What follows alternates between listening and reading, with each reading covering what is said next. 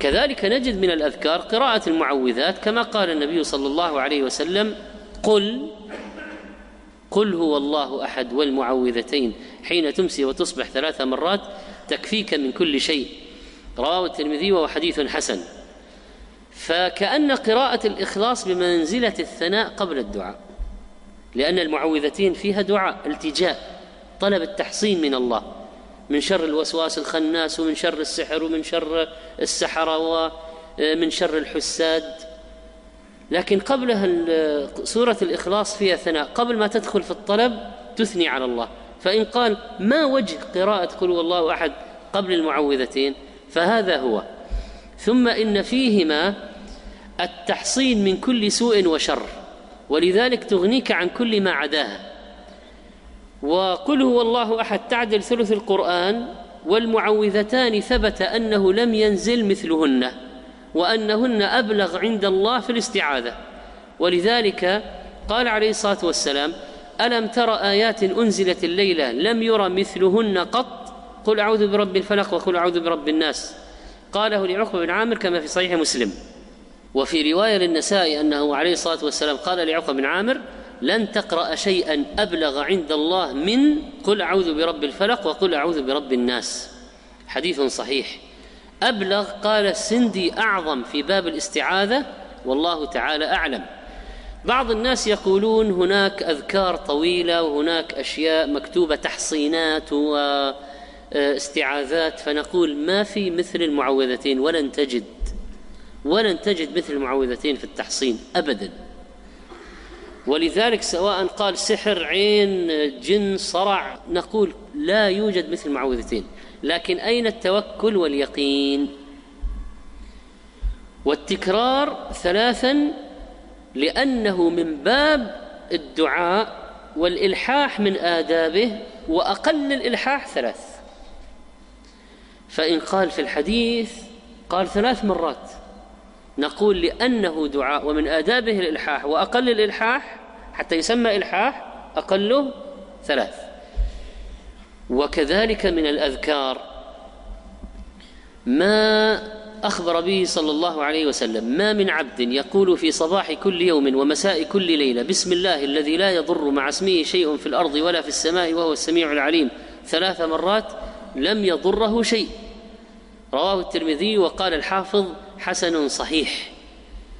صباح كل يوم ومساء كل ليلة. لا تحصل الفائدة من الحديث كما قال الشراح إلا إذا قاله في أول الليل. ولو قاله قبل الغروب لا يحصل له ميزة الليل. والمساء قد يطلق على ما بعد الغروب. فإذا ما هو الفرق بين المساء والليل؟ المساء قال بعض العلماء بعد الظهر قال بعضهم بعد العصر وقال بعضهم بعد آه، المغرب يدخل فيه. ولكن بعد الظهر والعصر أشهر من بعد المغرب. أما الليل فيقينا بعد المغرب. ولذلك إذا كنت تريد أن تنال ميزة الذكر فاجعله واقعا في الوقت الذي نص عليه الحديث. فهو يقول ما من عبد يقول في صباح كل يوم ومساء كل ليلة. بسم الله الذي لا يضر مع اسمه شيء. مساء كل ليلة ظاهره أنه لا يحصل له الفائدة من الحديث. طبعا الفائده التامه والفائدة في فائدة مجرد ذكرك لا في أجر. لكن تقول أنا أريد الحفظ أيضا أن يحصل لي الحفظ من كل شر. إلا إذا قاله في أول الليل. ومتى يبدأ الليل؟ بعد المغرب فهو قال مساء كل ليلة فإذا لازم ندخل في الليل حتى يحصل هذا. ولو قال مساء فقط ممكن بعد الظهر وممكن بعد العصر. لا يضر مع اسمه شيء. كلمة شيء هذه نكرة في سياق لا يضر في سياق النفي تفيد العموم. إذا لا يضر مع اسمه شيء.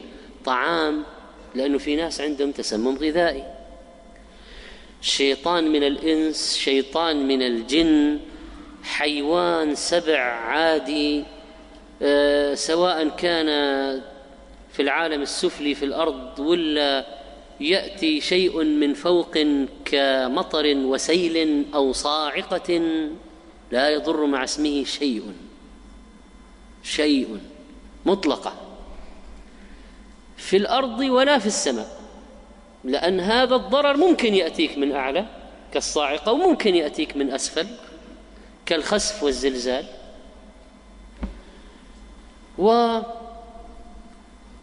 وممكن قذيفة من أعلى وممكن لغم من أسفل كالمساكين الذين يعيشون في الحروب وتحت القصف. هذا ذكر مهم بالحقيقة. في الأرض ولا في السماء. وهو السميع العليم. من رواة الحديث رجل صالح اسمه أبان. هذا أصابه طرف شلل فالج. نسأل الله العافية. لما حدث القوم بالحديث في المجلس واحد من المستمعين جعل ينظر إليه. يعني النظرة معناها أنت تقول يا شيخ أن هذا الحديث يحصن الواحد. ويعني أنت فيك شلل يعني كيف؟ فقال له أبان ما تنظر؟ شوف سبحان الله العالم لما يحدث ينتبه لنظرات من يحدثهم ويعرف هي علامة استفهام هنا يقرأها على وجه المستمع من غير ما يتكلم. فقال له أبان ما تنظر؟ أما إن الحديث كما حدثتك ولكني لم أقله يومئذ ليمضي الله علي قدره. أنا اليوم اللي أصابني فيه الشلل ما قلت أنساني الشيطان. ليمضي الله علي قدره. وجاء في رواية لأبي داود في هذا الحديث لم تصبه فجأة بلاء. حديث صحيح. فإذا واحد قال أنا أنا السكتة القلبية هذه السكتة القلبية والسكتة الدماغية يعني أنا أنا أخاف منها وسمعت عنها كثيرا وآخر الزمان يكثر موت الفجأة. ما عندكم شيء للسكتة القلبية والدماغية؟ نقول هذا في رواية لأبي داود لم تصبه فجأة بلاء. فجأة بلاء ما يحدث مفاجأة من غير تقدم سبب. وهذا يكون وقعه أعظم على النفس. ما يأتي فجأة أعظم مما يأتي بالتدرج. ولذلك فإن هذا الذكر في الحقيقة من الأذكار المهمة جدا. بسم الله الذي لا يضر مع اسمه شيء في الأرض ولا في السماء وهو السميع العليم. بسم الله الذي لا يضر مع اسمه شيء في الأرض ولا في السماء وهو السميع العليم. بسم الله الذي لا يضر مع اسمه شيء في الأرض ولا في السماء وهو السميع العليم.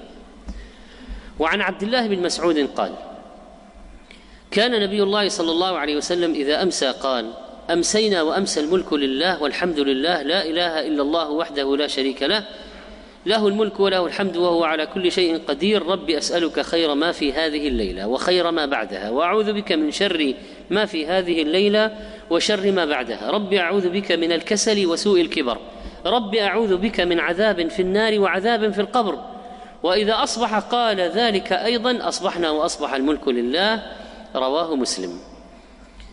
امسى الملك لله طيب الملك لله ابدا.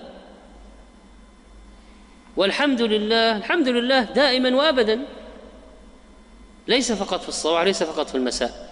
لكن هذا القائل يعبر عن حاله ويذكر نفسه صباحا ومساء بهذه الحقيقة التي يؤمن بها ويعبر عن التجائه لربه واستعانته به وأنه يخص ربه بالعبادة والثناء والشكر ويسأله خير ما في هذه الليلة. وهذا عام خير ما في هذه الليلة قد يكون علما وعبادة وطمأنينة وسكينة ومالا ونفعا. يكون أشياء كثيرة الخير خيري الدنيا والآخرة ويستعيذ من شر ما في هذه الليلة. كل ما في الليل من الشر مما يقع فيه فتأمل ما أجمعه. وعن أبي راشد الحبراني قال أتيت عبد الله بن عمرو بن العاص فقلت له حدثنا مما سمعت من رسول الله صلى الله عليه وسلم فألقى إلي صحيفة فقال هذا ما كتب لي رسول الله صلى الله عليه وسلم. قال فنظرت فإذا فيها إن أبا بكر الصديق رضي الله عنه قال يا رسول الله علمني ما أقول إذا أصبحت وإذا أمسيت. فقال يا أبا بكر قل اللهم فاطر السماوات والأرض عالم الغيب والشهادة لا إله إلا أنت رب كل شيء ومليكه. أعوذ بك من شر نفسي ومن شر الشيطان وشركه وأن أقترف على نفسي سوءا أو أجره إلى مسلم. رواه الترمذي وهو حديث صحيح. شر نفسي هواها. أمرها بالسوء وهي أمارة. وقدم الاستعاذة من شر النفس على شر الشيطان لمزيد الاعتناء بأهمية تطهير النفس.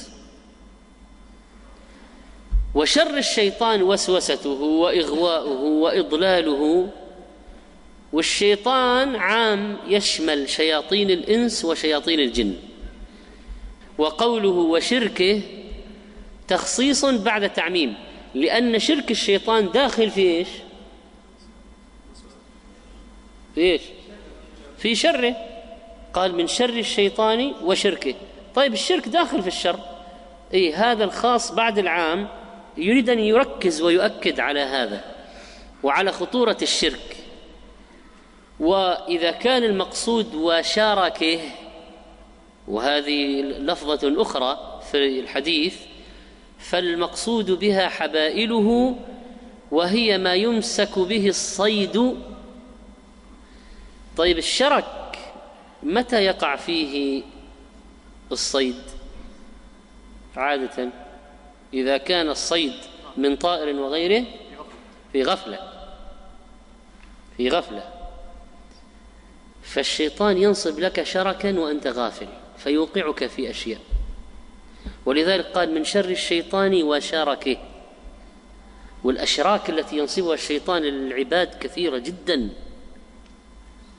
أشراك يأخذك على حين غرة. فينبغي على الأزواج أن يتفطنوا من شرك الشياطين. وكذلك ما تشتهي النفس وتغتر به الشيطان يسهل عليه أن يصيد وينصب شركا. به. وحبائل الشيطان تسويلاته وتزييناته التي يري بها العبد الباطل حقا والقبيح حسنا.